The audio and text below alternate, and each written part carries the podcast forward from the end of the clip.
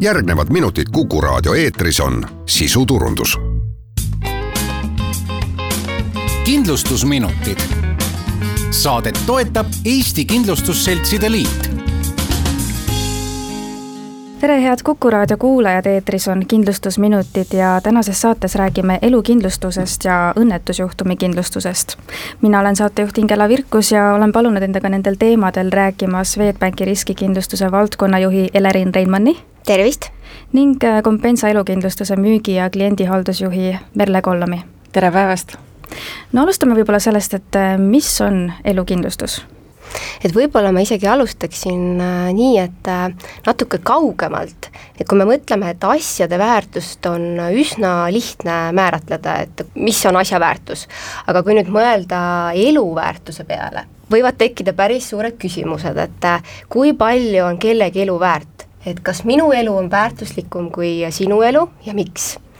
et seetõttu selline maailma praktika kohaselt võib öelda, et on äh, kokku lepitud äh, selline üldine elukindlustuse eesmärk koos mõõdikuga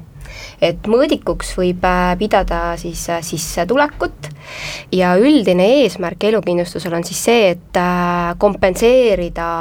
sissetuleku kaotust. ja kui nüüd veel vaadata juurde, et mis on siis selline võib-olla üldine standard, et kui suures ulatuses peaks üldse oma sissetulekut siis kindlustama,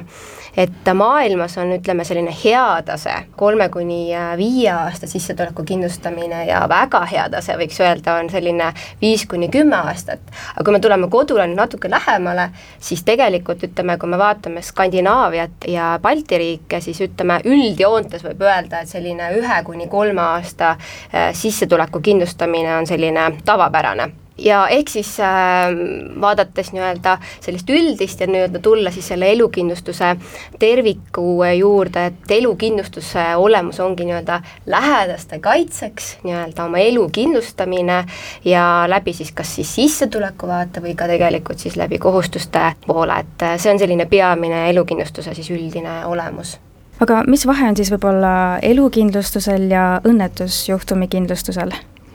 Nii nagu Elerin ütles, et elukindlustuse mõte on selles, et kaitsta lähedasi, et juhul, kui minuga peaks midagi juhtuma, elukindlustuse puhul siis surema, siis sellisel juhul minu sissetulekud jäävad perele tulemata ja pere võib sattuda sellisel juhul majanduslikesse raskustesse. õnnetusjuhtumi kindlustus on natukene, läheb rohkem selliseks enesekesksemaks, et õnnetusjuhtumi kindlustuse puhul kaitstakse pigem seda, et juhul, kui minuga juhtub mingisugune õnnetus, mul on mingi trauma või ma ei parane sellest traumast, see trauma jätab mulle püsiva puude, siis sellisel juhul ma kaitsen iseenda kas siis ärajäävaid sissetulekuid või ka neid täiendavaid kulutusi. taastusravi on päris paljuski meil täna inimese enda kanda ja selle jaoks on lisaraha vaja.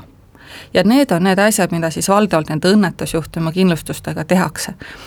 tõsi küll, on olemas ju veel ka veel see variant, et inimene võib surra õnnetusjuhtumi tagajärjel siiski, kui me võtame näiteks tööealise elanikkonna, siis õnnetusjuhtumi tagajärjel sureb ainult viis protsenti kogu sellest arvust. ehk siis tegelikult üheksakümmend viis protsenti inimestest tööealises elanikkonnas sureb siiski elukindlustuse tagajärjel, mitte õnnetusjuhtumi tagajärjel nii et see on jah, see surmapool on tõesti neil mõlemal täpselt ühesugune. küll aga on siin selline võib öelda, et see elukindlustus on nagu natuke niisugune vipp-pakett, sellepärast et kui me räägime surmast, siis elukindlustuse puhul, kas inimene sureb mõne haiguse tagajärjel või ka õnnetusjuhtumi tagajärjel, siis surm on surm, inimene on surnud ja meie maksame selle hüvitise välja elukindlustuse puhul igal juhul. sealhulgas muuseas me maksame välja elukindlustushüvitise ka juhul, kui inimene teeb enesetapu, et see ei pea olema selline haigus või õnnetusjuhtum. aga õnnetusjuhtumi kindlustuse puhul makstakse surmajuhtum välja ainult siis, kui tegemist on õnnetusjuhtumiga. nii et kui inimene sureb mingi haiguse tagajärjel, praegu on Covid väga popp, popp teema, või siis ka enesetapu tagajärjel, siis need ei ole õnnetused, vaid haigused või siis jah, enesetapp ja sellisel juhul õnnetusjuhtumi kindlustuse surmajuhtumit ei maksta välja kellele siis ennekõike on need elukindlustus ja õnnetusjuhtumi kindlustus mõeldud selles mõttes, et kas on näiteks mingi vanuseline kriteerium või äh, millest te lähtute? Mm. -hmm. et äh, üldjoontes võib öelda, et äh, elukindlustus äh, on vajalik nendele isikutele, kellel on vastutus oma lähedaste ees. noh, nii nagu ma ka eelnevalt mainisin, et kui on näiteks peres peamine sissetuleku tooja, noh eriti selge, et kellel mõju on pere eelarvesse isegi suurem kui võib-olla see, kes on teine nii-öelda pere sissetuleku tooja, et kindlasti siin on nagu see oluline koht. ja teine pool, kellele on elukindlustus toetus äh, tõenäoliselt äh, vajalik on nendele, kellel on laenukohustused. et samamoodi on see suurem vastutus oma lähedaste ees, ehk et kuidas siis see inimene või lähedane suudab tagasi maksta seda laenukohustust surmajärgselt, et et äh, me näeme, et tegelikult on väga-väga keeruline olukord peres, kui ongi, elukindlustust ei ole ja laenukohustus on samal ajal vaja tagasi maksta,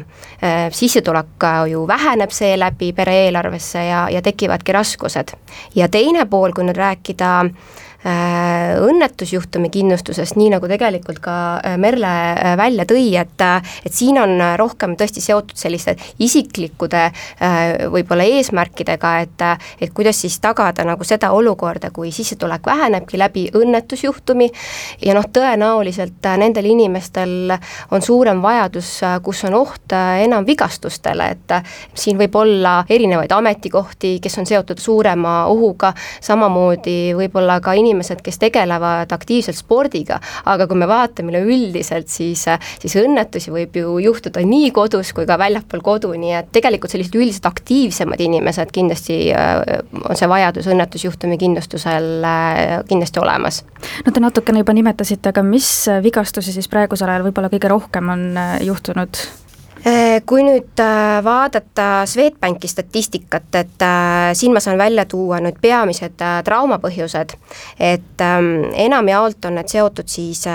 sidemete vigastustega, need on siis erinevad nikastused, et kas on siis kukkumised, noh, astutakse tõesti valesti või joostakse ja nii-öelda jalg jääb kuhugi taha kinni, siis haavad praegu on selline kevadtööde algus algab, eks ole, kasutatakse erinevaid tööriistu äh,, siis äh, ja grillihooaeg on samamoodi algamas, et siis on sellised äh,, vigastatakse ennast tööriistadega või siis tõesti terariistadega. ja kolmandana saan välja tuua sellised siseorganite vigastused, et on nad siis põletused või ka siis kukkumised kõrgemalt, et tavapäraselt on nad ikkagi seotudki tööõnnetustega, no näiteks ehit-, töötajad, eks ju, et kui on kuskil vaja kõrgustes viibida, et siis seeläbi tekivad sellised äh, vigastuse momendid. aga jah, nii nagu äh, Merle juba ka eelnevalt äh, mainis, siis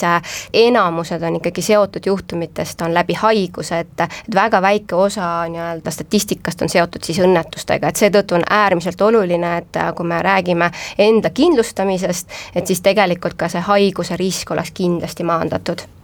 siin ma tahaksin Eleriiniga täiendada seda osa, et elukindlustuse puhul me võime vaadata ka selliseid lisakindlustusi, nagu näiteks väga raskete haiguste kindlustus. meie keeles on see kriitiliste haiguste kindlustus, kui te võib-olla tänaval sellist reklaami kuskil kohtate. ehk siis need on sellised, ähm, selline kindlustusliik, kui inimene saab väga-väga raske diagnoosi, infarkt, insult, pahaloomulised kasvajad, skleroosis multipleksis, äh, rasked südameoperatsioonid, äh, organite siird, siirdamised, need on kõik sellised asjad, kus inimene tegelikult ju ära ei sure, aga ta on väga pikalt haiguslehel, tema sissetulekud on väga tõsiselt pihta saanud,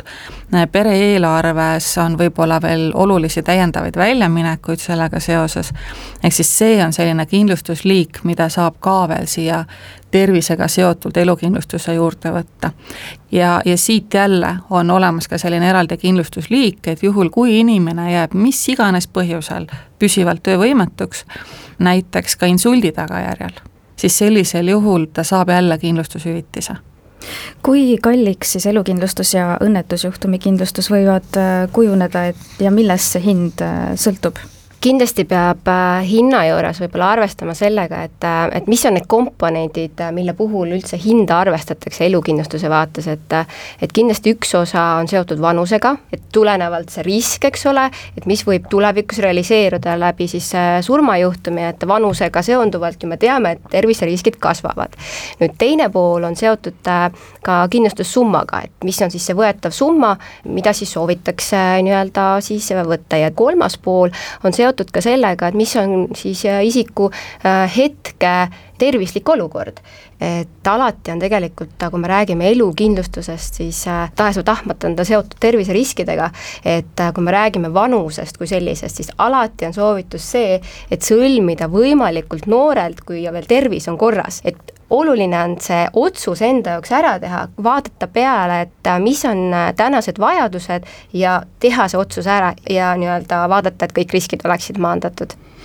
Absoluutselt äh, kindlasti toetan Eleriini, et see võib käia niiviisi nipsust ja meil ei ole seda tervist enam homme. ja see tähendab kohe automaatselt seda, et need äh, riskilisad tulevad juurde ja see leping läheb kallimaks, või siis ka see variant, et üldse kindlustusselts ei tee enam seda lepingut. ja siit tuleb teine asi jälle et ma soovitan teha pigem selle kindlustuslepingu siis äh, pika perioodi peale, no minu poolest tehke või seitsmekümneni. sellepärast, et reeglina makstakse seda igakuist makset ja tehakse seda vastavalt siis, kuidas see vanus tuleb. erinevates kindlustusseltsides on erinevad äh, makse ja arvutamise võimalusi olemas, eks ju ja siis alati on võimalik, kui te tunnete, et nüüd enam te seda lepingut ei taha, lõpetate lepingu ära ja ongi asi korras. kui te teete täna näiteks, oletame, kolmekümneselt te teete endale, ma ei tea, viieks aastaks lepingu, siis see tähendab seda, et viie aasta pärast tehakse teile uus riskihindamine. ja nüüd, kui te olete saanud endale mingisuguse, ma ei tea, hepatiidi näiteks vahepeal kuskilt, siis sellisel juhul see riskilisa läheb kohe juurde. elukindlustuslepingu puhul võiks seda meeles pidada, et kui see riski suurendav komponent tekib selle olemasoleva lepingu ajal, siis see teie olemasolevat makset enam ei mõjuta kui te tegite seal kolmekümneselt endale kindlustuslepingu kuni seitsmekümnenda eluaastani, saate kolmekümneselt hepatiidi, neljakümneselt infarkti ja viiekümneselt äh, pahaloomulise kasvaja, aga ikka olete elus, siis sellisel juhul teie kindlustusmakse ei kasva, see jääb ikka täpselt sama suureks. aga kui te tahaksite seda kindlustuslepingut teha peale hepatiiti või peale infarkti või peale pahaloomulise kasvaja diagnoosi saamist, vot siis on asi hoopis teistsugune siinkohal me lõpetamegi, suur aitäh kuulamast, mina olen Ingela Virkus ja koos minuga olid stuudios Swedbanki riskikindlustuse valdkonna juht Elerin Reinmann ning Compensa elukindlustuse müügi- ja kliendihaldusjuht Merle Kollom, aitäh teile saatesse tulemast ja nõu andmast! aitäh, aitäh.! kindlustusminutid. saadet toetab Eesti Kindlustusseltside Liit